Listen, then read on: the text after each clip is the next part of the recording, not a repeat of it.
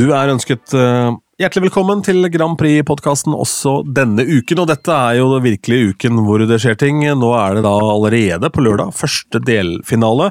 Feltet er klart, låten har vært ute noen dager, jeg har fått hørt det et par ganger. Jeg tror du har hørt det litt flere ganger enn meg, men før vi gyver løs på Grand Prix-praten her, eh, Anders, så må vi bare adressere hvordan har du det, for nå heter du bare pappaen. Ja, jeg, i, eh, Ja, jeg, er, jeg føler meg veldig mye som pappa for tida, altså, fordi eh, jeg var jo sjuk veldig mye før jul og hoste, og nå har eh, datteren min tatt over min hoste, og hun har fått feber, så hun eh, Så min lille datter på ni, eh, eller snart ni, da, eh, lå i senga i ettermiddag, og så sa hun Åh, dere må redde meg fra dette helvete, sa åtteåringen.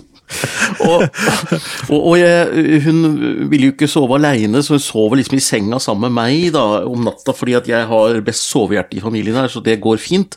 Men uh, det, det, er jo mye styr da, med den der, uh, å være pappa for en 39-åring, holdt jeg på å si, ikke 39-åring, men 9-åring med 39 i feber. For det er litt sånn, Ja. når, du, når du begynner å nærme seg 40, så er det lege og sånn, så det har vært sånn legevakt da i kveld, og så må vi kanskje til lege i morgen hvis hun ikke er bedre, og, og da må pappaen stille opp, da, fordi vi holder på å rydde huset til noen sånn fotograf som skal ta bilde av huset her på tirsdag. Og jeg kan jo ikke rydde, jeg kan bare rote, så det må jo samboeren min ta seg av. Så øh, hun, hun må jo være på å ordne det i morgen, mens jeg da har som jobb å være pappa. Og det er midt oppi oppkjøringen til MGP. Nå gir det mening, for jeg skal jo oppleve MGP mye sammen med henne i år, men hun må jo bli frisk til det. Eh, Det er jo det første, men, men det er altså sånn utgjort, og jeg må bare si, jeg veit at vi har en fast lytter som heter Geir, som er prest, og som kan disse greiene her.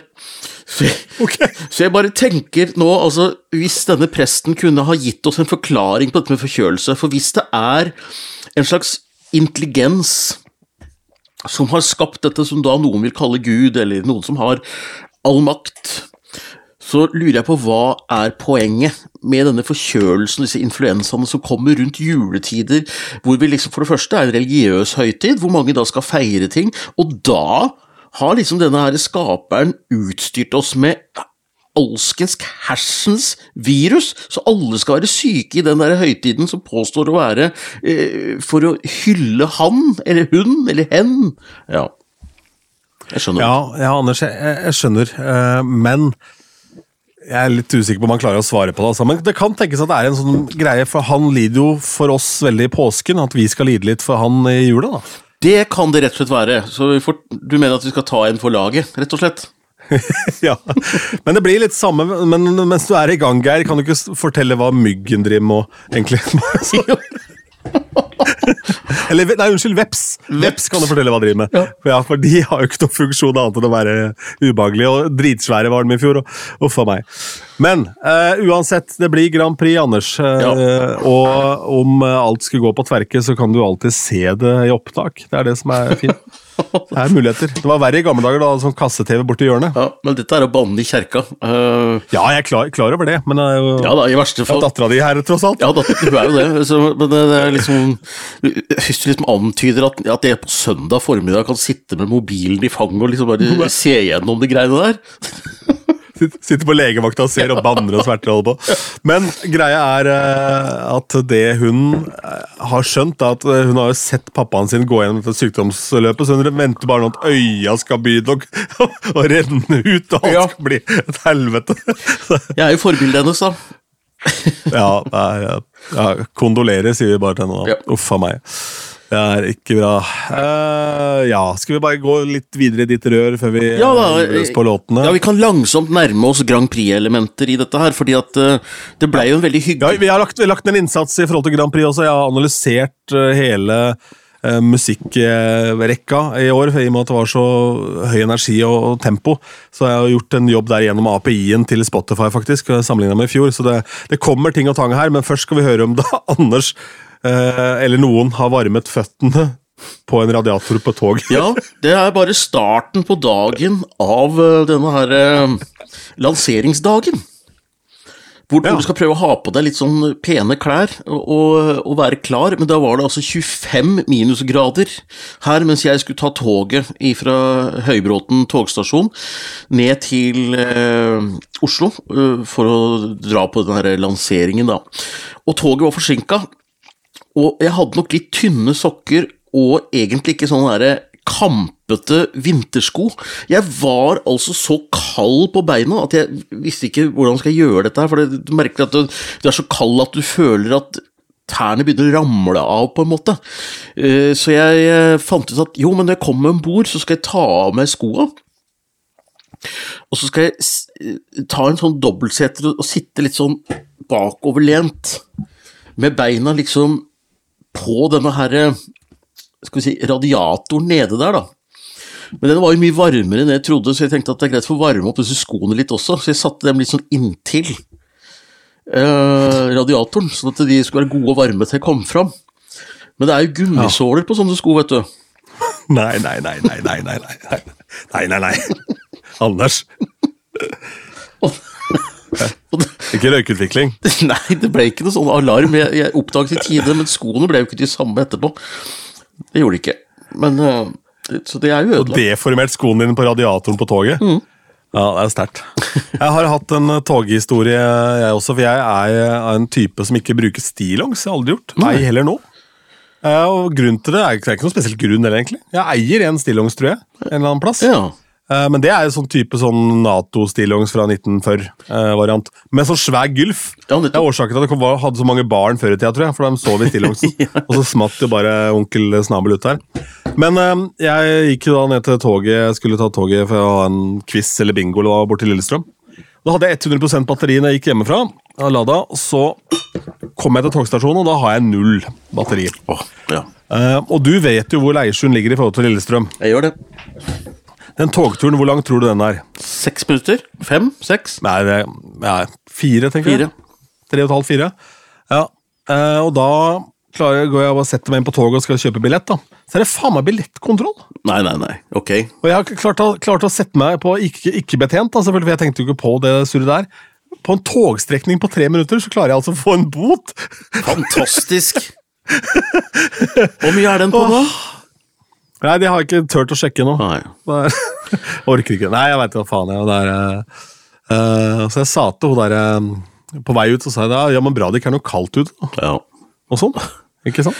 Ja. Men nei, det var jo min egen skyld. Jeg burde jo satt meg på den der andre vogna, selvfølgelig. Men det er jo, Jo det. Ja. Det er sterkt å få billettkontroll på en strekning på to og et halvt minutt. Altså. ja, nei, det, det nærmer seg eh, meg på mine verste dager med, med flaksen.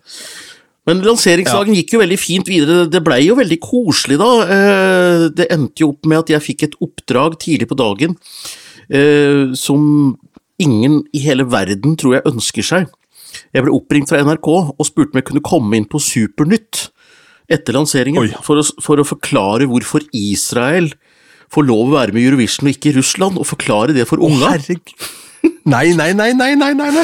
Men i svarte, da. Og så gikk jeg rundt og snakka med alle artister, eh, eller skulle intervjue oss, og så sa jeg at ja, men eh, jeg må gå nå, for jeg skal ned og snakke om dette. Og alle, alle så på meg med sånn medlidende blikk, og så var det sånn var du som fikk den, ja. Ja, lykke til med det, liksom. Så Ja. eh, Der kommer du med smelta sko og greier. ja. Og så, og så fikk jeg en telefon på vei hjem. Det gikk egentlig ganske greit, altså, fordi jeg, jeg skal ikke mene noe, jeg skal bare forklare hvordan reglene er og sånn. Og så Men så fikk jeg en telefon om at det, det, det hadde streika, det virka ikke lyden. Myggen hadde ikke virka. Så jeg må dit igjen i eh, morgen tidlig, da, klokka åtte. For å spille inn dette på nytt før jeg skal ta med jentungen til lege. Så eh, jeg må, men, men nå har jeg fått aud meg, så nå kan jeg dette stoffet enda bedre. Da, så det var veldig bra. Og så var det jo lansering, det skal vi komme litt tilbake til. Men etterpå Kan- Kan du ikke ta det som saldoer? Jo! Nå skal du høre her. Ja, nei eh. Nei, så var det veldig moro etterpå. Jeg, altså, det, det er jo litt sånn eh, Vi skal komme litt tilbake Nei, det skal vi ikke, for den er ikke med nå. Men det er en kjempesvær robot med i årets startfelt. En kjempehøy robot på tre meter som synger sammen med eh, Erika Norwich. Eh, Den kommer vi tilbake til en annen delfinale, det er ikke poenget her.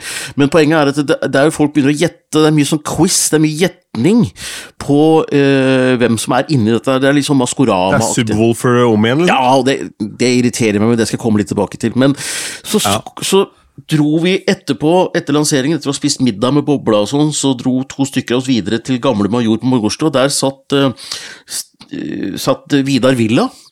Og han Anders ja. Odden, som sto bak denne låta um, Walls of Death, uh, sammen med Benedicte Adrian, som jeg uh, er veldig glad i. Og vi snakka så mye musikk, og han snakka så mye musikk, vi har hatt kontakt på Insta og sånn, og så kjørte han en annen type quiz. Noen gjetter på hvem er inni denne roboten, men han skrev prat på at Vet du hva, på denne låta her, vet du, så har du alle kordene i den kromatiske skalaen unntatt én. Hvilken? Åh, jeg håper ikke han hører på podkasten. Jo, han gjør det! Han gjør det, han gjør det. Nei, faen. Anders er fast lytter. Så, han, ja. Eh, så, så det, det, var liksom sånn Fra nerdekviss til veldig folkelig quiz. Hvem er inne i roboten? Hvilken kord mangler i eh, den kromatiske Det er forresten S. Hvis noen skulle få det på en quiz, så er det korden S. Hvis du får det på quiz, så er det på for vanskelig quiz. Da må du gå et sted hvor det er, hvor det er mer enn normale folk. Hvor Ronny Bergersen kjører det. Men det var forresten veldig hyggelig å sitte, sitte og, og ljuge ljuge sammen med der, og Stig Karlsen var der også. og Alle var liksom avslappa og litt på øleren. og Det var veldig koselig. Veldig, veldig koselig, koselig avslutning på dagen. Og så må Jeg si det også at jeg visste ingenting om at Margaret Berge var med. Det hørtes jo sånn ut i forrige episode. Ja. Det var jo, Jeg visste bare at Anders var fan ja. av Margaret Berger, så det var bare noe jeg sa. så Han blei helt bleik i trynet. Men hvis du spoler tilbake, ja, hvis du spoler tilbake og hører det, så hører du at jeg blir litt ja. satt ut et lite øyeblikk der. Ja, eh, fordi jeg eh, Jeg veit ikke hvorfor jeg tenkte at hun ikke var med. for Hvorfor skulle hun ikke kunne være med igjen, liksom? Men eh, jeg bare dro det opp av hatten der og da. Så det var jo veldig artig, da. Det var jo på bakgrunn av kvelertakopplegget med han, ja, kameraten der. Stemmer. Men uh, for å ta feltet som helhet først, da. Hvor er Ray Lee, uh, Anders? Kan du, det, Supernytt lurer også på hvor er Ray Lee? Ray Lee? Jeg ble lova Ray Lee her. Nå kommer jeg til å bli så fast innslag i Supernytt. sånn... Uh, det var mens Jonas Gahr Støre var utenriksminister, så, kun, så, var det et program på radio som het Allo i uken, som hadde sånn Jonas svarer, hvor de hadde en parodi på at han svarte på absolutt alt, alt fra kakeoppskrifter til eh, det ene og det andre. Så kanskje jeg skal bli en sånn ny Supernytts uh, Super-Anders som svarer på alt. Nei, hvor ble det av Reili? Jeg uh, alle var jo så sikre, og hun hinta så innmari om det. Og alle ryktene gikk, og hun uh, la ut låta si på 5. januar, men siden har vel egentlig ikke noen gitt så mye oppmerksomhet til den låta. Så jeg tenker, hvorfor legge en lansering til den dagen der, når du er litt i den der Grand Prix-mæra, hvor liksom du er en sannsynlig artist? Eh, ja, men da er det vel sånn kanskje at hun uh, velger å utnytte det at hun er i den Grand Prix-sfæren. da. At du uh, da får buss der, for det er vanskelig for Relie, som får veldig mye oppmerksomhet andre steder, og hvis ikke sånn du skal stikke og enten prate om den vonde tida i en eller annen setting, eller liksom eh, fortell, åpne seg i podkast og fortelle at nå uh, har hun uh, blitt fullblås lesbisk. igjen, fordi du får jo ikke noe du får jo ikke noe spaltemeter lenger med mindre du gjør helt idiotiske ting. For det er jo så mye folk som driver med bare tull. Kanskje det er smart ja. Kanskje det er rett og slett smart å legge ja. det til, fordi at du, du, får rykter på forhånd om at du kanskje er med. og så ja, for Da snakker i hvert fall noen om det. fordi Alternativet er jo bare å gi ut en låt, og så er det dritvanskelig å komme gjennom fordi du er ikke idiot nok liksom, til at noen gidder å skrive om deg. fordi du har ikke ja, du har ikke spist en sko som akkurat har Smelte. vært varma på en radiator på toget, liksom. Uh, eller noe sånt, da. Så jeg tenker, Hvis man da i release-tilfellet så lager hun bare ganske ålreit popmusikk, liksom.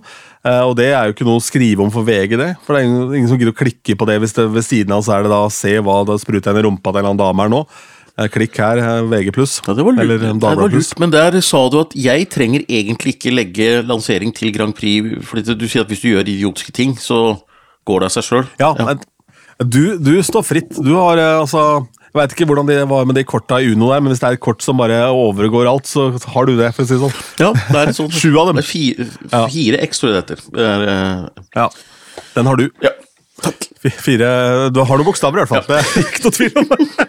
ja, ja. Men jeg har uh, tatt for meg For meg ja, For det første, da, så er, er jo det er jo et par litt kule overraskelser her. da. Eh, blant annet den første seminaret med Gottminister, Så det er gøy. Det er morsomt.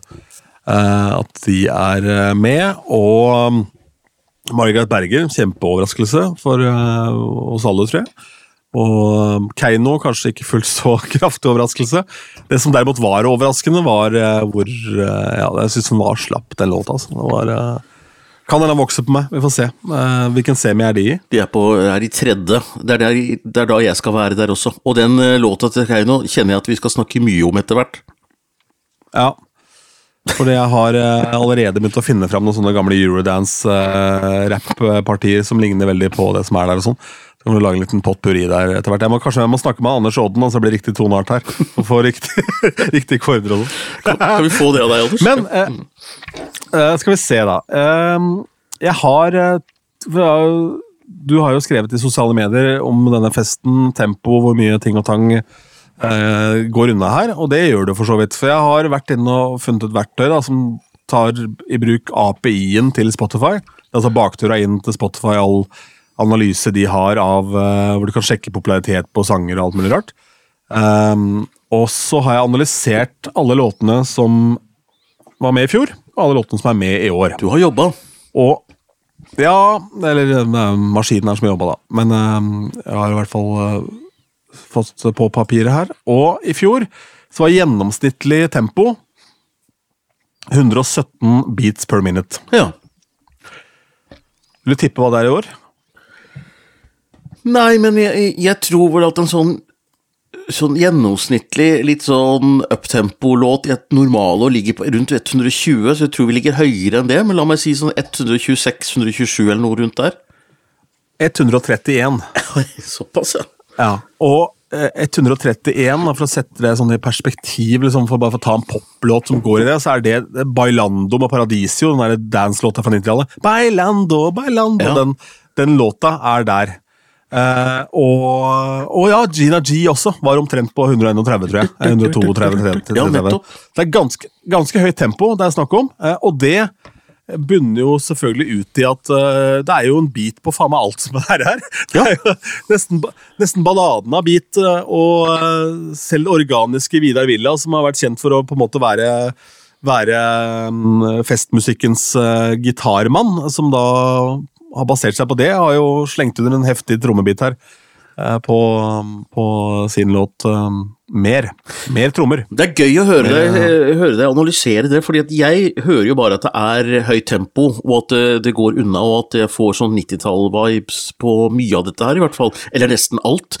Og så tenker jeg at eh, jeg vokste opp på 70- og 80-tallet, men den musikken som prega meg, det var faktisk mye 90-tallet, for det var da jeg på en måte levde dette livet, som var litt ute på utesteder og sånt, fordi jeg hadde nettopp flytta til Oslo og jobba litt i NRK og kjente liksom at eh, var på standup-miljø og alt dette her. Så 90-tallet er nok lydsporet til mitt utegående partyliv, da. Ikke sant? Så, så det er vel derfor jeg fordi jeg, jeg snakka nemlig med en som skrev at eh, som 53-åring så er nok ikke dette noe for meg, for jeg må nok tilbake til 70-tallet, og så, kjente, så skrev jeg bare at det må du gjerne mene, det. jeg skjønner hva du tenker på, men ikke bruk alderen din, for jeg har det egentlig helt motsatt. Det kommer litt an på ja. når, hvor lenge du hang med på musikken, tror jeg, og når du hadde det mest gøy med musikken.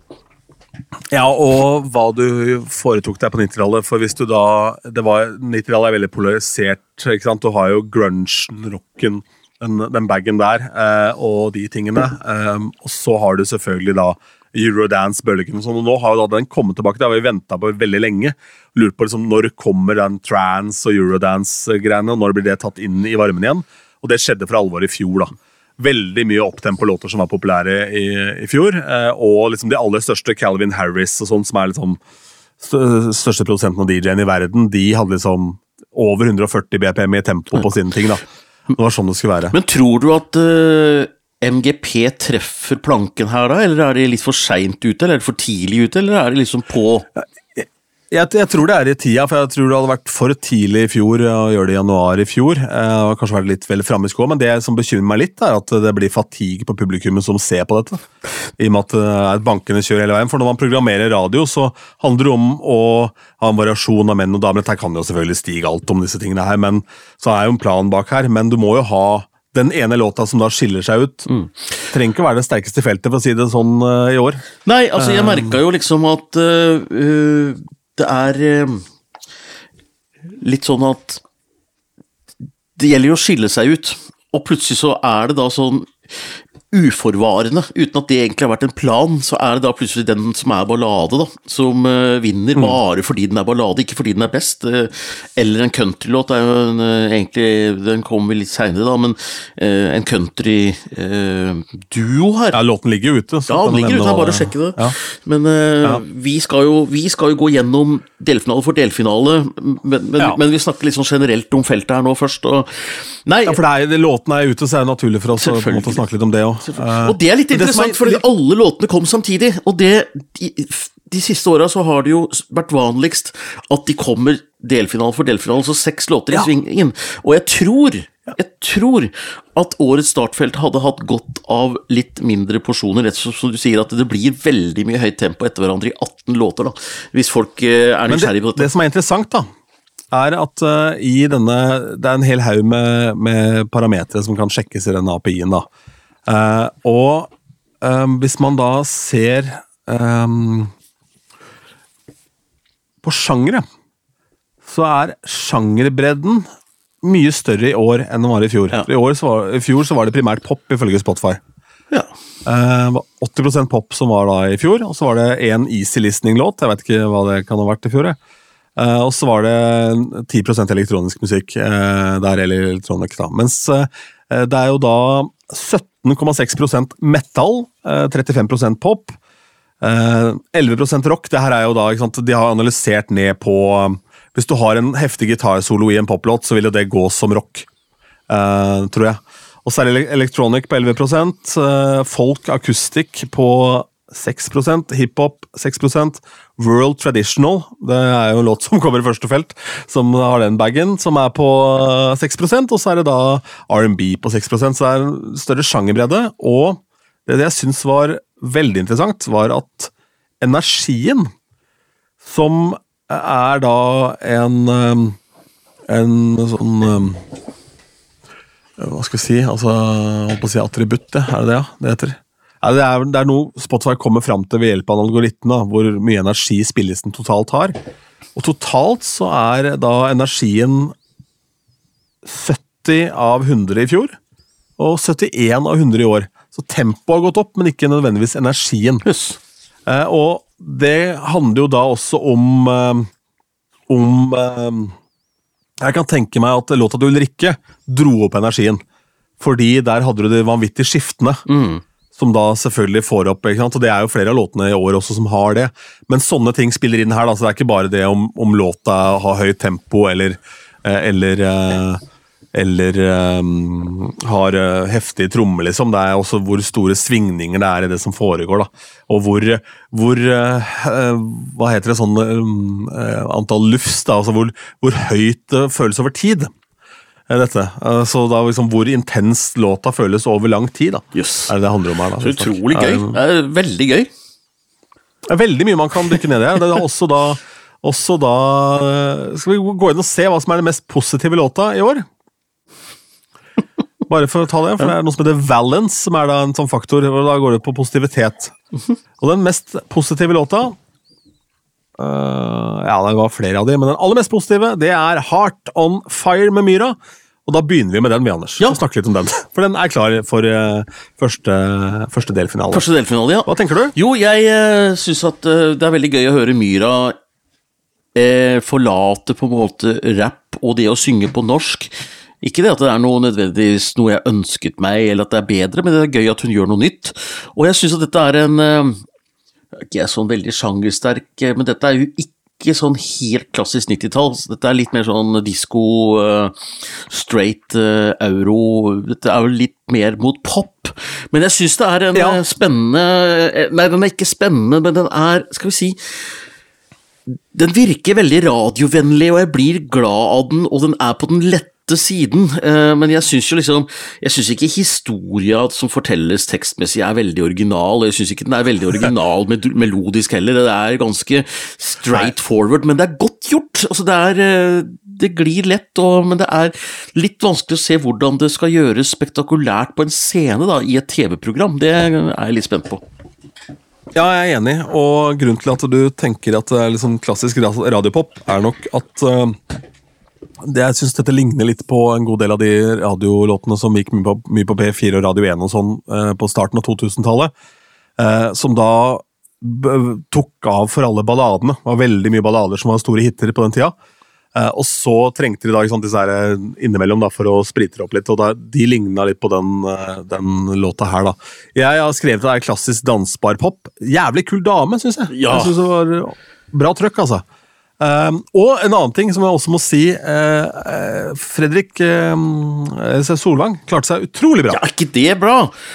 Ja, ja. Han hadde jo vitser der og var jo helt konge. Ja, og, og litt annen type vitser enn uh, programleder i MGP Ja. har, som er litt sånn De er litt så spissfindige og litt sånn uh, Solvang-aktige, da. Og, det, det, og han Ja, for, for, Marion var jo åpenbart veldig nervøs, uh, og, men han bar jo det som juling. han. Det var dritgøy. Ja, ja, ja, og, og han koste seg, eh, akkurat som han hadde kommet hjem. Og jeg, eh, og, og jeg det, bare, det bare var en tanke som bare slo meg. Jeg, jeg veit ikke om det kommer til å skje. Altså det, jeg tror ikke det. Men det hadde bare vært så gøy. Uh, Mats Tørklepp, som nå er den nye prosjektlederen Stig Karlsen er ikke prosjektleder lenger, han er bare musikkansvarlig.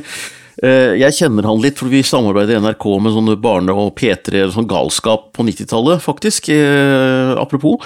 Eh, så han er gal nok til å finne på sånne helt utafor boksen Grand Prix-greier. Og når du først har Fredrik Solvang der som er Debatten-programleder, hvor morsomt hadde det ikke vært å få opp alle partilederne til pauseunderholdning til å stå og snakke om hvilken låt de liker best? Å, fy fader. Skal ikke datteren din være med på denne Jo. finalen her, da? Stakkars. Er akkurat frisk i tide. Ja. Og så Jonas Gahr Støre stå der og prate om, Om låtene, om myra. Og han derre Vedum snakker om myra, ja, ja. Men det jeg også har lyst til å si, er at jeg syns det går inflasjon i modulering. Jeg synes det eh, Jeg skjønner at man får poeng for at det er så Eurovision-grep, men eh, eh, ja. Jeg syns det er mye mer spennende med en annen låt som vi kommer til litt seinere, men eh, Ja, for her er det modulering, ja, stemmer det. ja, I myra sin. Mm. stemmer. Eh, Et sånt, et sånt generelt trekk Ja, altså modulering. eh, Jeg er enig. altså Det, det, det, må, det må integreres så uh, Altså, den ideelle moduleringen er så elegant gjort at du ikke merker at den er der, uh, på en måte. Eh, Men her er den veldig tydelig, da. Så, uh, men det, det eneste gode med det er at når du først har modulering, så må du også ha pyro. Så da blir du pyro da i år, siden du har modulering. Du må jo markere øh, liksom modulasjonen med en sånn rakett. Du kan ikke ha modulasjon uten rakett. Ja. Det går jo Nei, det er sånn det var, ja. Stemmer det. Det er jo pyrotangen, ja. Det er sånn det var. Nei, men, jo, jo, låt jo, Jeg skal bare si en ting, og det var at eh, en så generelt trekk, som også en annen fast lytter av podkasten her, eh, Kjell Petter Askersrud, gjorde meg oppmerksom på han, Det er ikke noe vanskelig å oppdage det, men han la merke til det først. At det er nesten bare nye låtskrivere i år i forhold til før. Altså Det er ingen av gjengangerne i MGP-gjengen. Det, er så mye nye det låtskrivere. Ja, det er Ja. eksempel Heart on Fire, skrevet av David Ataridion, Svein Hermansen og Regina Tucker. Aldri hørt om dem i Grand Prix-sammenheng, og det er så kult at det kommer inn nye, friske folk inn i denne sammenhengen her. Skal også Myra ta med seg da at hun er eh, den heldige innehaver av også den mest dansbare låta i feltet ifølge Spotify. Ja. Eh, så mest dansbar og mest positiv. Hvem tror du er den låta med mest energi, Anders? Av alle 18? Eh, Mest energi uh, Nei, uh, Det er godt, minister, ja. Det er det, ja. ja eh, jeg lurte kanskje om det kunne være, Ja, det det. Ja, kunne være denne her eh, slamdunk-gjengen. Men uh, Godt-minister, ja, de er jo også i første Men så kan vi ta poengsummene etterpå? Eller skal vi ta det nå? Nei, ta det etterpå. ja. Ja, det var det, ja. Sånn, ja. Skal vi trille terning, ja. Det kan vi godt gjøre. La oss trille terning på Myra. På, På, Myra. Eh, ja, det blir et sterk treer, kanskje. Ja, Hun får en firer av meg. Blir litt sånn verken fugl eller fisk, men Nei, men det er jo det det er. ja, også litt uheldig med semien her, for jeg syns det er et sterkt felt her. Ja. Nei, hun får en firer av meg også, så da blir det fire pluss tre, da, og en sju, da. Jeg noterer her. Sju, ja. Ja. Det er Men bra. Sju er lykketall. Det er fint. Sju er lykketall, det er ikke dårlig, det. Men Godt-minister, ja. Tenk at jeg fikk dem igjen! Jeg har snakka så mye om dette hodet til Jenny Skavlan som de prøvde å få bloddryppende på en stake i forrige sceneshow, og nå snakker de om at de skal avsløre en overraskelse eh, 12. januar i år, så kanskje de får lov til det de ikke fikk lov til sist? At vi, at vi får Fredrik Solvangs hode på et fat? Det tror jeg ikke vi får, altså. Nei vel. Eh, altså sånn, sånn klima er i verden nå, Anders, eh, hvor eh, folk fryser i hjel, og strømregninger og kriger og dritt og lort. Jeg tror ikke de setter hoder på staker. Nei. Men jeg syns også at låta er utrolig snill. Ja. De har popifisert seg veldig godt, minister, og det, det passer meg veldig godt, men nå er de vel i en sjanger som av og til kan være poppete. Eh, Jeg tenker også på Rammstein, det er jo mye av det. Jeg har jo kalt det litt sånn Eurovision-musikk, men med et tung bit, Og det kjenner jeg igjen også i eh, låt. Jeg syns den er eh, kul, og men den er litt vel litt vel bokstavelig. Altså, det er så veldig tydelig hva de synger om, og det er så veldig Det er liksom ikke noe rom for tolkning av historien her, og så syns jeg den blir litt repetitativ. Altså, det er eh, på en måte Refrenger surrer og går litt for mye i det samme mot slutten. Så det er eh, det er en bridge som egentlig ikke gjør så mye ut av seg. Så det skjer ikke så mye nytt etter bridgen egentlig heller. Jeg er enig med deg i det, for så vidt, men jeg syns eh, at låta er jævlig catchy. Helt enig. Og til å være en sånn type låt, så er den da så catchy at det er noe mutter'n liksom kan synes er ålreit. Eh, som ikke bare er bråk, fordi eh, den har det derre Ja, den har den eh, hva, ja, Det er jo en dance beat som går under der, egentlig, som surrer og går, med en synt riff og sånn. Og så har du i tillegg da disse elementene som også ligger litt i norske folkeskiller. Du må ikke glemme det. At vi er jo eh, metall, eh, metallens fødekrybbe fødekrybe her. Så vi eh, Det er eh, Og det er jo masse Selv om black metal-historien selvfølgelig er bekmørk, så er det jo da også masse ting man kan være stolt av man har fått til i utlandet. Ja. Og jeg syns dette ligner litt på et band fra Fredrikstad som heter Apotygma Berserk. Ja, nettopp. Ja. Ja, men det er spennende. Han eh, altså det, Og så er det fascinerende med Godspriser. Han heter jo egentlig Bjørn Alexander Brems og er advokat, og det er veldig gøy. Og, eh, og, så- og, og så driver han med dette her på kvelds- og nattestid. da. Tenk å få han der, der i retten hvis han har glemt å vaske av seg sminken, f.eks. Kom fra en konsert, da, litt sånn tidlig inn i tingretten. Ja, det er fint. Ellers så er det jo produsenten her er jo Jesper Borgen. Jeg tenkte han hadde sånne kon... Ja. Ja, stemmer det. Han har gjort uh, mest internasjonale ting, han. Ja, med Alan Walker og Coldplay blant annet, så det er jo ikke noe uh, Det er ikke noe dårlige folk som er bak her, og jeg syns produksjonen jevnt over er mye bedre i år enn de var i fjor. Jeg syns at det er lagt mer vekt på et sånt lekkert lydbilde, og det er noen detaljer i alle produksjonene, med noen unntak, men de kan vi ta når vi kommer til dem. Men det er gjort en veldig god jobb, syns jeg, da. Men jeg, men jeg må si, eh, når de skal selge inn låta, jeg er litt opptatt av tekstene, Ja. jeg skal ha en blogg som handler om tekstene på EC Norge, eh, og når de sier her at dette er en låt som handler om det verdifulle i leken, om å tro på seg selv og stå sammen mot urettferdighet, da henger jeg ikke med lenger, altså. Dette handler om for meg monstre og, eh, og vampyrer og er en slags eh, bitte liten skrekkhistorie. Så jeg tenker at jeg legger ikke noe spesielt mye mer mening i det enn det. Eller så er det noe jeg ikke har skjønt, jeg vet ikke. Men uh, de drar på veldig, altså, med hvor meningsfull denne teksten er. Ja. Men det er, jo en greie å dra på, da. Det funka jo for Subwoolfer å dra på, for å si det mildt. Jeg gjorde det. jeg gjorde det.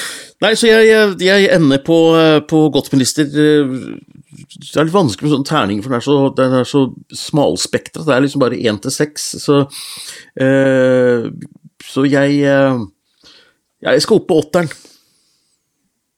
Nei, jeg mener Femmeren! Ja, ikke- Femmeren, mente jeg. Jeg var på den tolverskalaen. Vi skal opp på femmeren. Ja, jeg er også på femmeren. Ja. Så bra. Ja, Begge to. Ja. Fem pluss fem. Det er ti, det. Det er bra. Skal vi se. Det er ti. Fem pluss fem er ti. Bra, Anders. Ja, jeg er flink. Hvem skal vi ta nå, da? Skal vi snakke om uh... Skal vi uh, ta Du har jo snakka med Fredrik. Ja. Skal vi prate litt om låta hans, da, kanskje? Det kan vi gjøre. Vi Kan prate om låta, så kan vi prate med han etterpå. Jeg eh, syns at Førsteinntrykket er at det er deilig med en ballade. Altså, den, den uh, kommer som en sånn uh, avslapping i dette. Du snakket om programmering i et radioprogram, du trenger litt sånn variasjon. Og jeg tror kanskje vi ikke skal undervurdere denne her, selv om jeg syns at den er litt kjedelig både i tekst og, og, melodi. Det er liksom ikke noe som er originalt, verken i måten du forteller historien på, forteller budskapet på. Det handler om 'jeg skal være ved din side selv om du er nær ved et, et sammenbrudd', og 'jeg uh, står ved din side, du skal ikke være alene'. Jeg syns at det blir litt kjedelig, både tekst og melodi, da, så det er ikke noe her som, som gjør det spesielt. Dessverre, dessverre.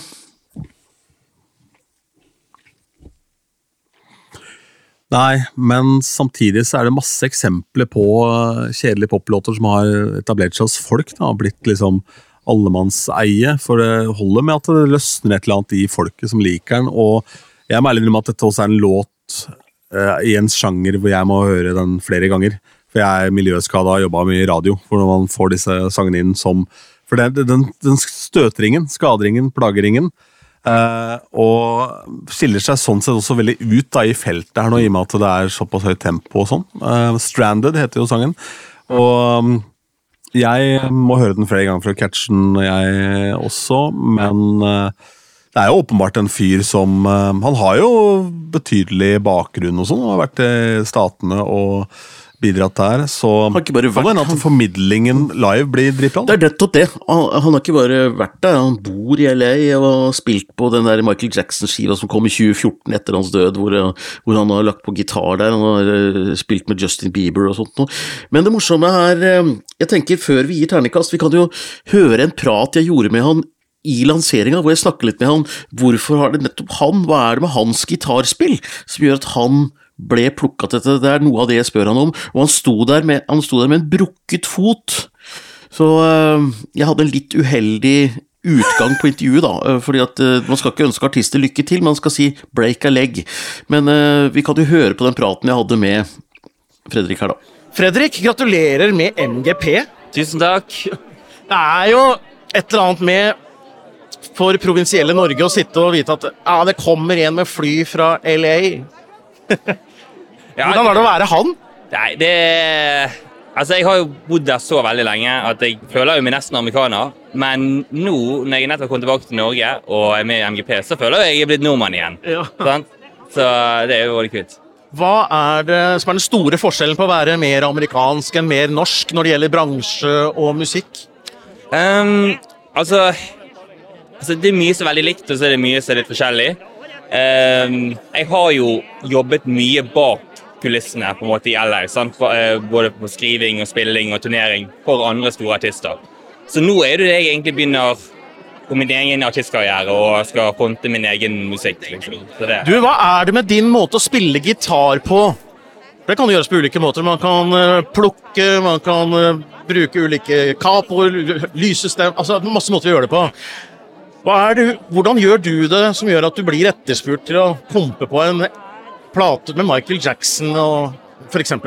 Altså Det er jo en lang vei, da. Og mye kontakter og mye bekjente som du må skaffe deg. Og så er jo det, det, det viktigste av alt, det er jo det når du griper de mulighetene du får. Sånn at når jeg da traff f.eks. han ene produsenten, da, som eh, var han som gjorde at jeg fikk være med på alle disse kule prosjektene, så eh, traff jeg han helt tilfeldig. Men han inviterte meg i studio, og så ble jeg liksom put on the spot. Han bare satt på en låt, så ba han meg spille masse forskjellig. Og da handlet det jo egentlig bare om å levere og ja, gjøre det som han ber meg om. Og så hvis de liker det, så ringer jeg deg igjen. Og hvis du, så fortsetter du å gjøre en god jobb, så ringer deg igjen og igjen. Jeg liker at det er musikanter, som jeg kaller det, eh, med i MGP. Og når du spiller eh, gitar, altså hvor viktig er det med pedaler og lyden på gitaren i forhold til den rent tekniske greia med å spille på strengene og treffe kordene og sånn? Det kommer jo helt an på hva type sjanger. Hvis jeg skal gjøre en popgig der jeg har 20 låter, og alle har en, en eller annen spesiell delay-effekt eller reverb-effekt, eller sånn, så krever jo det at jeg har litt stæsj, så jeg kan velge mellom og kan kjapt switche mellom forskjellige presets og ting og tang. Men hvis jeg skal for gjøre en gig der eh, kanskje bare for mine, mine, mine, egne låter, da, der jeg i utgangspunktet bare trenger en naturlig enten akustisk eh, eller en elektrisk eh, gitarsound, så trenger jeg ikke mye for at jeg skal få det til å funke, liksom. Ja. Du kan dra fram en uh, reisegitar og spille akustisk hjemme og kose deg med det. Å ja, jeg elsker det. Altså, jeg jeg syns det er noe så kjekt å spille bare akustisk. For det er ingen andre hjelpemidler. Sant? Det er ikke noen forsterker, det er kun sengene som vibrerer, og that's it. Et litt sånn uh, nerdespørsmål til slutt. Når du sitter på scenen, du er jo musiker, du spiller piano, så er det jo egentlig innspilt musikk da, som er vanlig i MGP og Eurovision. Hvordan gjør du det? Altså, Spiller du, eller later du som at du spiller, siden det er som det er i Eurovision? Nei, altså, jeg skal jo spille, da. Det som er, eh, er jo Låten er jo i utgangspunktet 90% piano og vokal, så bygger jo produksjonen seg litt grann etter hvert. sant? Eh, det blir jo da eh, playback, men pianoet og vokal er jo det som er Ja, Så du spiller live Ja, ok. Da løser det noe av det problematikken. Du, veldig lykke til. Ja, veldig hyggelig å ha deg i Norge. Ja, det er kjempekjekt å være her. Ja, nei, så break a leg, liksom, sa jeg da til Fredrik da han sto med brukket fot. Men det som er litt morsomt, og som er et lite poeng her, er som jeg snakket med han om, og som jeg festa meg ved, det er jo at han fortalte at han skal spille piano live. Øh, Og egentlig, det er jo veldig mye innspilt musikk på scenen, men han skal faktisk gjøre dette mer eller mindre aleine og akustisk og med piano. Og det tenker jeg kan gjøre at låta skiller seg enda mer ut da, øh, i dette feltet. Hvor det er mye, veldig mye produsert øh, lyd. Absolutt. Eh, Og, ja, og Godtminister, som også da er et liksom eh, er et eh, hardere rockeband, ender opp da med en mer sånn mm, elektronisk tilnærming til det. Så ja, jeg tror Fredrik kommer til å gjøre det veldig bra her, faktisk. Og så tror jeg kanskje at sangen kommer til å vokse kraftig på oss òg. For han velger jo ikke en dårlig låt, han fyren her. Han gjør jo ikke det. Det er jo noe vi ikke skjønner, Anders. Det er nettopp det. så jeg føler meg kjip når jeg gir han en terningkast tre, altså, men, men jeg, jeg, jeg må nesten gjøre det. Jeg ender også på terningkast tre enn så lenge her. Ja. Og så ta tenker jeg at vi Nei, vi sparer vel eh, godjenta di til slutt, eh, Margaret, vel. Eh, så tar vi eh, Ingrid Jasmin, eller. Jasmin. Ja, for her var det Ja. mye å ta tak i. Her tenkte jeg at her er det en god potpurri av ting og tang. Altså, for dette er jo en låt som har absolutt alt. Det er folkemusikk, det er uh, elektronika, det er uh, ja, new age, og det er ei jente i baggy olavokser på lansering. Det er helt fantastisk, og uh, jeg, jeg må si at det, det overraska meg øh, å gå inn i hennes univers. Vi kan legge ut en link her til NRK-scenen, som hadde en fantastisk øh, gig med henne i gamle Deichmanske biblioteket i 2023, øh, sammen med noen jazzmusikere der, som var helt fantastisk. Og veldig, veldig gøy. Og hun kombinerer jo, som du sier, alt og får egentlig Når du synger på norsk, så høres den nesten arabisk ut. Så Ja, ja. det syns jeg er veldig gøy. Og, og du får til det. Uh, og så får jeg faktisk, jeg vet ikke om du er enig med meg, men jeg får nesten bitte lite grann øh, sånn uh, Karpe, altså den siste skiva til Karpe-vibber. Altså, det er ikke fra Midtøsten, dette her, men det er litt sånn den derre samme eh, og, og, og ting som er veldig rart, er plutselig det som folk virkelig ønsker seg. Så jeg tror dette kan være en ganske skummel dark horse, jeg, altså, rett og slett. Jeg er helt enig, og uh, det er jo world music, traditional music. 5,9% ifølge Spotify, og det er jo det du uh, hører i Karpe der også. Uh, ikke, noe tvil, ikke noe tvil om det. Og ja, jeg mener at det her er den sterkeste låta i feltet så langt, jeg. Uh, og det jeg Ja, er mest spent på, er hva de gjør i det utrolig kule breaket som er der. Ja, med Mona Berntsen som koreograf. Ja, ja, ja. Og så er det jo da bli tøft, ikke, altså. så vidt jeg kunne høre, en sånn veldig tydelig modulasjon, i hvert fall opp på slutta, så du får ikke den derre så Den vil jo skille seg ut. Det blir jo en sånn låt som skiller seg ut i mengden her, den også. da. Eh, Og nei, Den her er jeg veldig spent på, og den tror jeg er en sånn sang som kan vokse noe helt vilt på det norske folk. da. Sånn sett veldig rart at hun valgte de baggy olabuksene. For eh, sånn de som ser den, ikke, ikke at jeg har peiling på sånt, da, men jeg tenker at det er en sang som det kler jo en litt annen outfit. Men har visst litt den stilen der, eh, mye. Men jeg må si, eh, som sagt, jeg har en bloggserie på EC Norge hvor vi tar for meg tekstene. Og, og det er jo vanskelig å forstå hva hun synger her. Eh, fordi hun synger på en sånn måte at teksten blir litt utydelig, men jeg har bare lyst til å ta vers to. Oh, oh, bem, bem, bem, tempoet det åpner seg. Oh, oh, det dopet der nær går ikke lei. Oh, oh, jeg veit jeg ser det. Amo molas si tu fur i me, baby. Hei, ja. Så her er det Det er dop, og det er eh, greier og grams, og, og et annet vers her. Eh, si navnet mitt høyt når du ser meg så si det uten ord, de bør trøll, trølle, hvem er den fanter, her stjeler henne vekk de roser av jord, mykt er ekte særlig, hviske rundt ditt land, hei, hei, hei, her i himmel hør ditt navn. Så her er det jo religiøst, og det er liksom det, det, det, det, Som du sier, det er så Det er alltid ett. Ja, her er det ja, tombola, rett og slett. Det er helt umulig å vite hva som dukker opp i andre enden. Veldig uh, gøy. Uh, og ja, nei, det der tror jeg blir en skummel låt. Det er uh... Men det er ikke Men det er allikevel Det mange bommer på, syns jeg, er at det, det, blir flere låter i én. Altså, de henger ikke sammen, men det gjør det jo her. Altså, det, det, er en organisk utvikling i låta, og det er en oppbygging, og alle disse delene og komponentene de kommer til sammen til slutt, da. Hvem er det som har vært med på skrivesida her, da?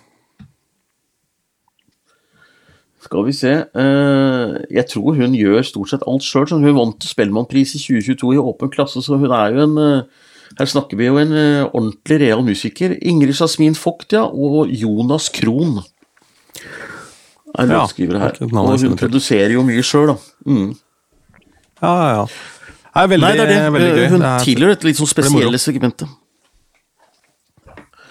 Har vel vært mer på Bylarm enn på Grand Prix-fester så langt, så jo, men samtidig. det er jo, Jobben er jo å finne krydderet. Du skal ha de tingene her, og det her er jo utvilsomt det krydderet som, som Grand Prix fortjener. For det er jo en høykvalitets altså, eh, låt med vanvittig dyktig eh, artist i front. Eh, kul artist, og, eh, og, i tillegg da eh, Så er det gjort, ja, det er gjort classy, da, kan du si. Eh, med alle disse forskjellige elementene. Ja. Nei, jeg er helt enig, og det er eh, Nei, så her eh, Siden vi bare har den litt sånn smale skalaen 1 til 6, så, så blir det sekseren her, altså. Rett og slett. Ja, for meg er jo tvilsomt den låta jeg, som ligger ja. nærmest mitt hjerte eh, enn så lenge hele feltet. Jeg har hørt det. Da ja, er vi på Margaret Berger. Ja, hele feltet, ja. Mm. Ja, ja, faktisk. Da er vi på Margaret Berger, ja. Uh, ja, det, vi har, vi, det var én til, er ikke det? Eh, det er disse her uh, Mathilde Espeseth, ja, ja, Chris Archer og Slam Dunk. Ja, vi tar de Men, først, da. Men vi kan ta dem. Ta de først, ja.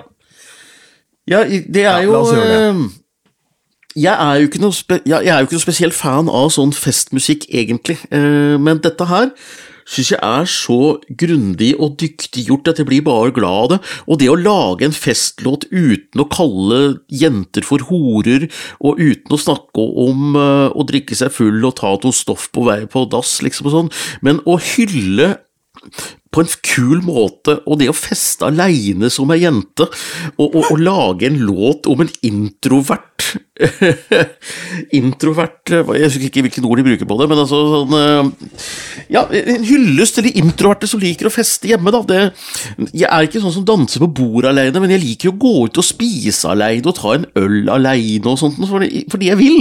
Og det syns jeg dette er en hyllest til oss, og dette er også party, da. Og, og det er jo fullt party òg, jeg liker veldig godt det derre koret som uh, Slum, uh, Slamdunk og uh, han Hva heter han andre, da? Chris Archer har i bakgrunnen Archer, ja. Det er ikke bare i bakgrunnen, det er jo faktisk i refrenget. Ja, ja, Chris Archer. har det i refrenget der. Nei, dette går jeg i gang på. Jeg syns at det er Det er ikke min ja, aldersgruppe. Det, er, det er ikke den som kommer til å gå mest på spillelista mi, men jeg syns dette er kult. Ja, ja, det skjønner jeg. For, min del så er det også en låt jeg må høre flere ganger før den sitter. Da. Men uh, jeg har alltid syntes at han slam dunk-typen hadde noe for seg. Han kom med den låta som han slo gjennom med, var Mango Ipa. Som var da en hyllest til ølen Mango Ipa, og den var gjort med en eller annen liten sånn finess. Og jeg ble overrasket da jeg så at den ikke hadde strømma mer enn hva den hadde gjort, så vi sjekka sist der, fordi det er en sånn låt jeg slipper unna med å spille i eh, de aller fleste settinger. Og det er ikke en sang som man da drar opp Det er en låt som jeg spiller litt for meg òg, fordi det er litt kult å spille noe annet enn bare, bare de aller, aller Bare Balenciaga, liksom, som alle har hørt en million ganger. Eh, men eh, nei, men veldig gøy. Og så er det jo igjen da, et helvetes høyt tempo her. da. Det går jo unna som faen. Det er jo, det er jo oppe i tysk eurodance. Det er jo scooter i det tempoet her.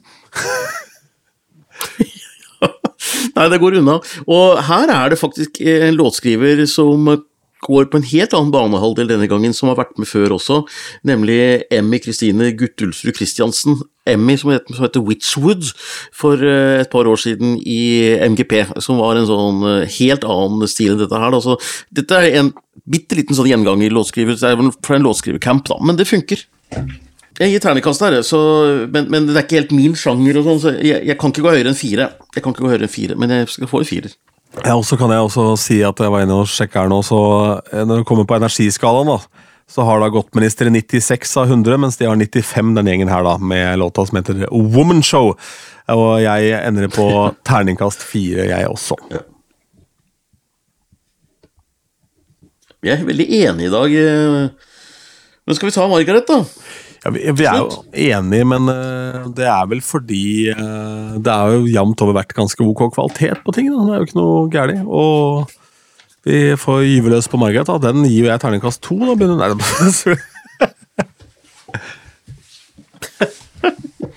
Kjør på, du. Nei da. Eh, jeg syns dette er en god, god poplåt, men betraktelig, betraktelig svakere enn Feed You My Love, tenker jeg. Eh, og det kan bli et problem for henne, for den var så god, den låta. Den var altså en av de bedre hun har hatt. ikke sant?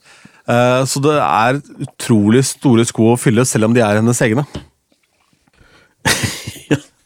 Å fylle sine egne sko, ja, det er bra. Det er sånn Askepott-historie. Astrid S i den nye Askepott-historien fyller sine egne sko. Ja, jeg skjønner hva du sier, og så tenker jeg at uh, den uh, Det kan være litt skummelt også at den ligner bitte litt på I Feed You My Love i oppbyggingen, så det ble sammenlignet ble enda større. fordi Da ryktene begynte å gå at hun skulle være med, så trodde jeg kanskje at Margaret Berger kom til å gjøre noe på norsk. Uh, og litt sånn nedpå, bare for å vise at hun gjør noe helt, helt, helt annet. Men hun holder seg i samme landskapet. Men når det er sagt, så har jeg veldig respekt for at det er det hun gjør, for her er det på en måte DJ-en Margaret Berger som jobber like mye som det er artisten. Uh, så hun uh, står der, og jeg vet ikke hva slags skal vi si, hva slags sceneshow hun har, men det hadde kledd i hvert fall en slags DJ-pose, da. Uh, syns jeg. Men jeg, uh, jeg, er nok mer glad i den enn det du er, tror jeg. Jeg vet ikke, Vi skal komme tilbake til terningkasten her, men, men uh, jeg elsker at den er mollstemt, og at det er den der seige biten. Det, nå har ikke jeg sjekka tempoet, men jeg tror ikke denne her går så veldig fort. Den går kanskje egentlig saktere enn det som er vanlig i, i denne type popmusikk i dag. Ja, det vil jeg tro. Skal vi se.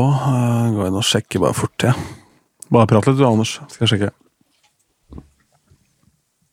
Ja, ja. Nei, og Margaret Berger uh, har jo vært med å skrive denne låta her selv, så det er jo tydelig at dette er noe hun har lyst til å formidle. Og igjen dette om tekst, da. Hun sa i dag, og det var veldig greit for å få en liten tolkning på teksta, når hun sier at verden er så tung og rar utenfor, så må alle finne seg en liten boble hvor de har det fint da, med folka de har rundt seg, og unner seg det for å glemme. Altså oblivion, glemme at alt annet blir stengt ute. Eh, og at det er i det rommet der at du kan finne liksom litt sånn ro og kjenne deg glad. Da. Og, og, og da plutselig så tror jeg at hun er en smart dame.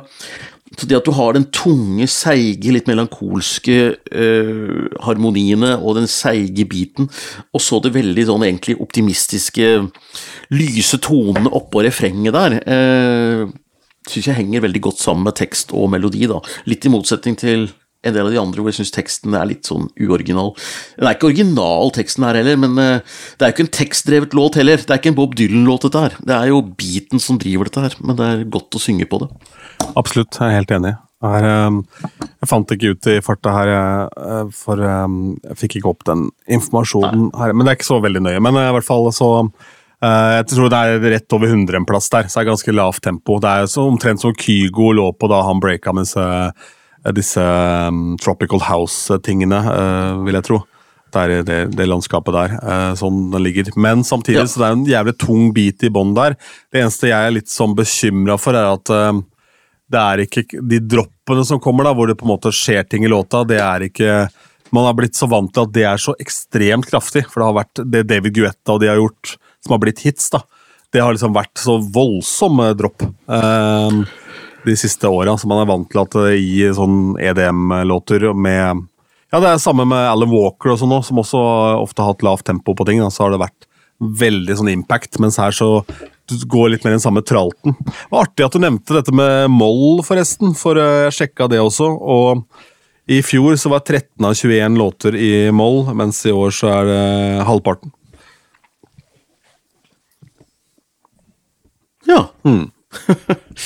Ja, ja, og likevel så er det så høyt tempo, og det viser jo at det er kanskje i tiden, da, at det er, at det er mollstemt, men i Men med høyt tempo. Ja, så det er mye, mye litt sånn betutta folk som flyr av gårde, ja. eh, Men, I full fart. Ja, ja, ja. Ja, ja, ja. ja men eh, ternekast fra Dette Bergersen. er jo en uh, kvalitetspoplåt, så det er ikke noe å si på det. Eh, så her ender jeg på en Jeg ender på en fem minus, rett og slett. Eh, fordi eh, Nei, vet du hva, jeg ender på en femmer, jeg, rett og slett. Fem minus, faktisk. ja. Ja, jeg ender på en femmer. Det er det jeg gjør. Ja, ja. Det er mye lettere, for fem minus Det er veldig vanskelig minus og plusser når du skal regne sammen og sånn.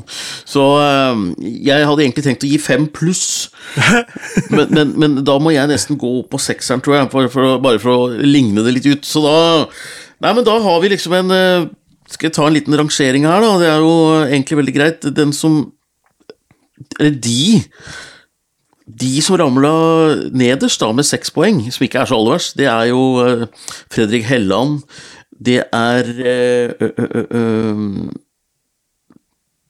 Ja, Fredrik Helland ramla, ramla nederst, ja. Og så er det Nei, men du, jeg har ikke, har ikke summert her. Ja, da blir det et problem. Du må jo gjøre det. Klart du må det. Um, Ja, blir... det, blir- det, blir, det blir litt dumt. Men, men nå har jeg summert. Nå har jeg summert. Nå har jeg summert. Nå har jeg summert. Eh, men det, det, det endrer ikke noe at jeg hadde summert her. Altså, Helland ligger selvfølgelig nederst, og så Ikke selvfølgelig, men også fordi han fikk færrest poeng, så det er ikke så vanskelig, det. Eh, dernest er det eh, Mathilde Espeseth. Og så dette, dette, går, dette, dette går fryktelig dårlig. Fryktelig dårlig. eh, Dette blir veldig ustrukturert. Jeg kunne ikke vært sånn sportskommentator. det, det, det vi egentlig er- har funnet ut her, Helland Anders ligger nederst. Ja, Drit i dette her, Anders. Altså, det vi har funnet ut, er at her i denne finale, delfinalen så er det da eh, tre låter som vi har ganske stor tro på. Eh, sånn i lange løp òg, tror jeg egentlig vi kan si, eh, uten at vi skal hinte for mye om det. Eh, og så er det noen jokere her, for han, eh, han går fort videre, han Fredrik, vet du. I og med at han har den ene balladen, ikke sant? Og da er det jo Ja, et det det. vanvittig press her. Det, det blir tøft for Myra og sånn, å skulle skille seg ut her, uh, tror jeg. Og um, det er klart, det er ikke så lett å skille seg ut med en fin, hyggelig dansbar poplåt når du står ved siden av Gottminister og etablerte navn som Margaret Berger og den eneste balladen i feltet. Så vi får se. Det blir spennende. Nei, men jeg, jeg, jeg tror uh, Du sa vel uh, egentlig der at du tippa uh, Margaret, Fredrik og godsminister videre, og det er egentlig det jeg også tror. Nei, nei, jeg tror Ingrid Jasmin går videre, ja. Så jeg tror godtminister ryker, jeg. Ingrid Jasmin er det? Ja. ja. Hvem er det som ryker, da? Godsminister? Jeg tror det. Ja, du tror det? ja. Og hvis ikke godtminister ryker, så tror jeg Ja. fort det blir Margaret. Det er veldig rart. Ja. Spennende. Nei, men eh, dette var, eh, dette var gøy. Det er jo masse X-faktorer her, sant. Eh, hvordan, hvordan det spiller live, for det så vi i fjor. Altså, det var en kjempefavoritt i fjor som mange hadde som het Freya, og så stivna hun bare helt på scenen, og så røyk hun i delfinalen. Så det Men det er jo betydelig sceneerfaring her, da. men det er jo mange folk her som vi veit ikke kommer til å stivne. Ja. Ja, det er det akkurat det. Ja. Alle har jo det, nesten. Det Ja, nei, nei, Godtminister tror jeg ikke, tror jeg ikke blir eh, stive av skrekk med det aller første. Det er de andre som blir det. Da tror jeg vi sier at det er det for denne gang. Og så er vi tilbake med en aldri så liten episode om en ukes tid. Og da kan vi tease at da skal vi følge opp også en eh, post på programmet her som ikke vi har eh, tatt denne gangen. og det er at uh, Anders har vært på ta tannlegebesøk etter å ha vært på puben. Og jeg har eh, vært i bryllup sammen med mariachi-band, så det kan vi snakke om neste gang. Den er god. Ha en fortsatt fin uke, og kos deg med delfinale 1 på lørdag.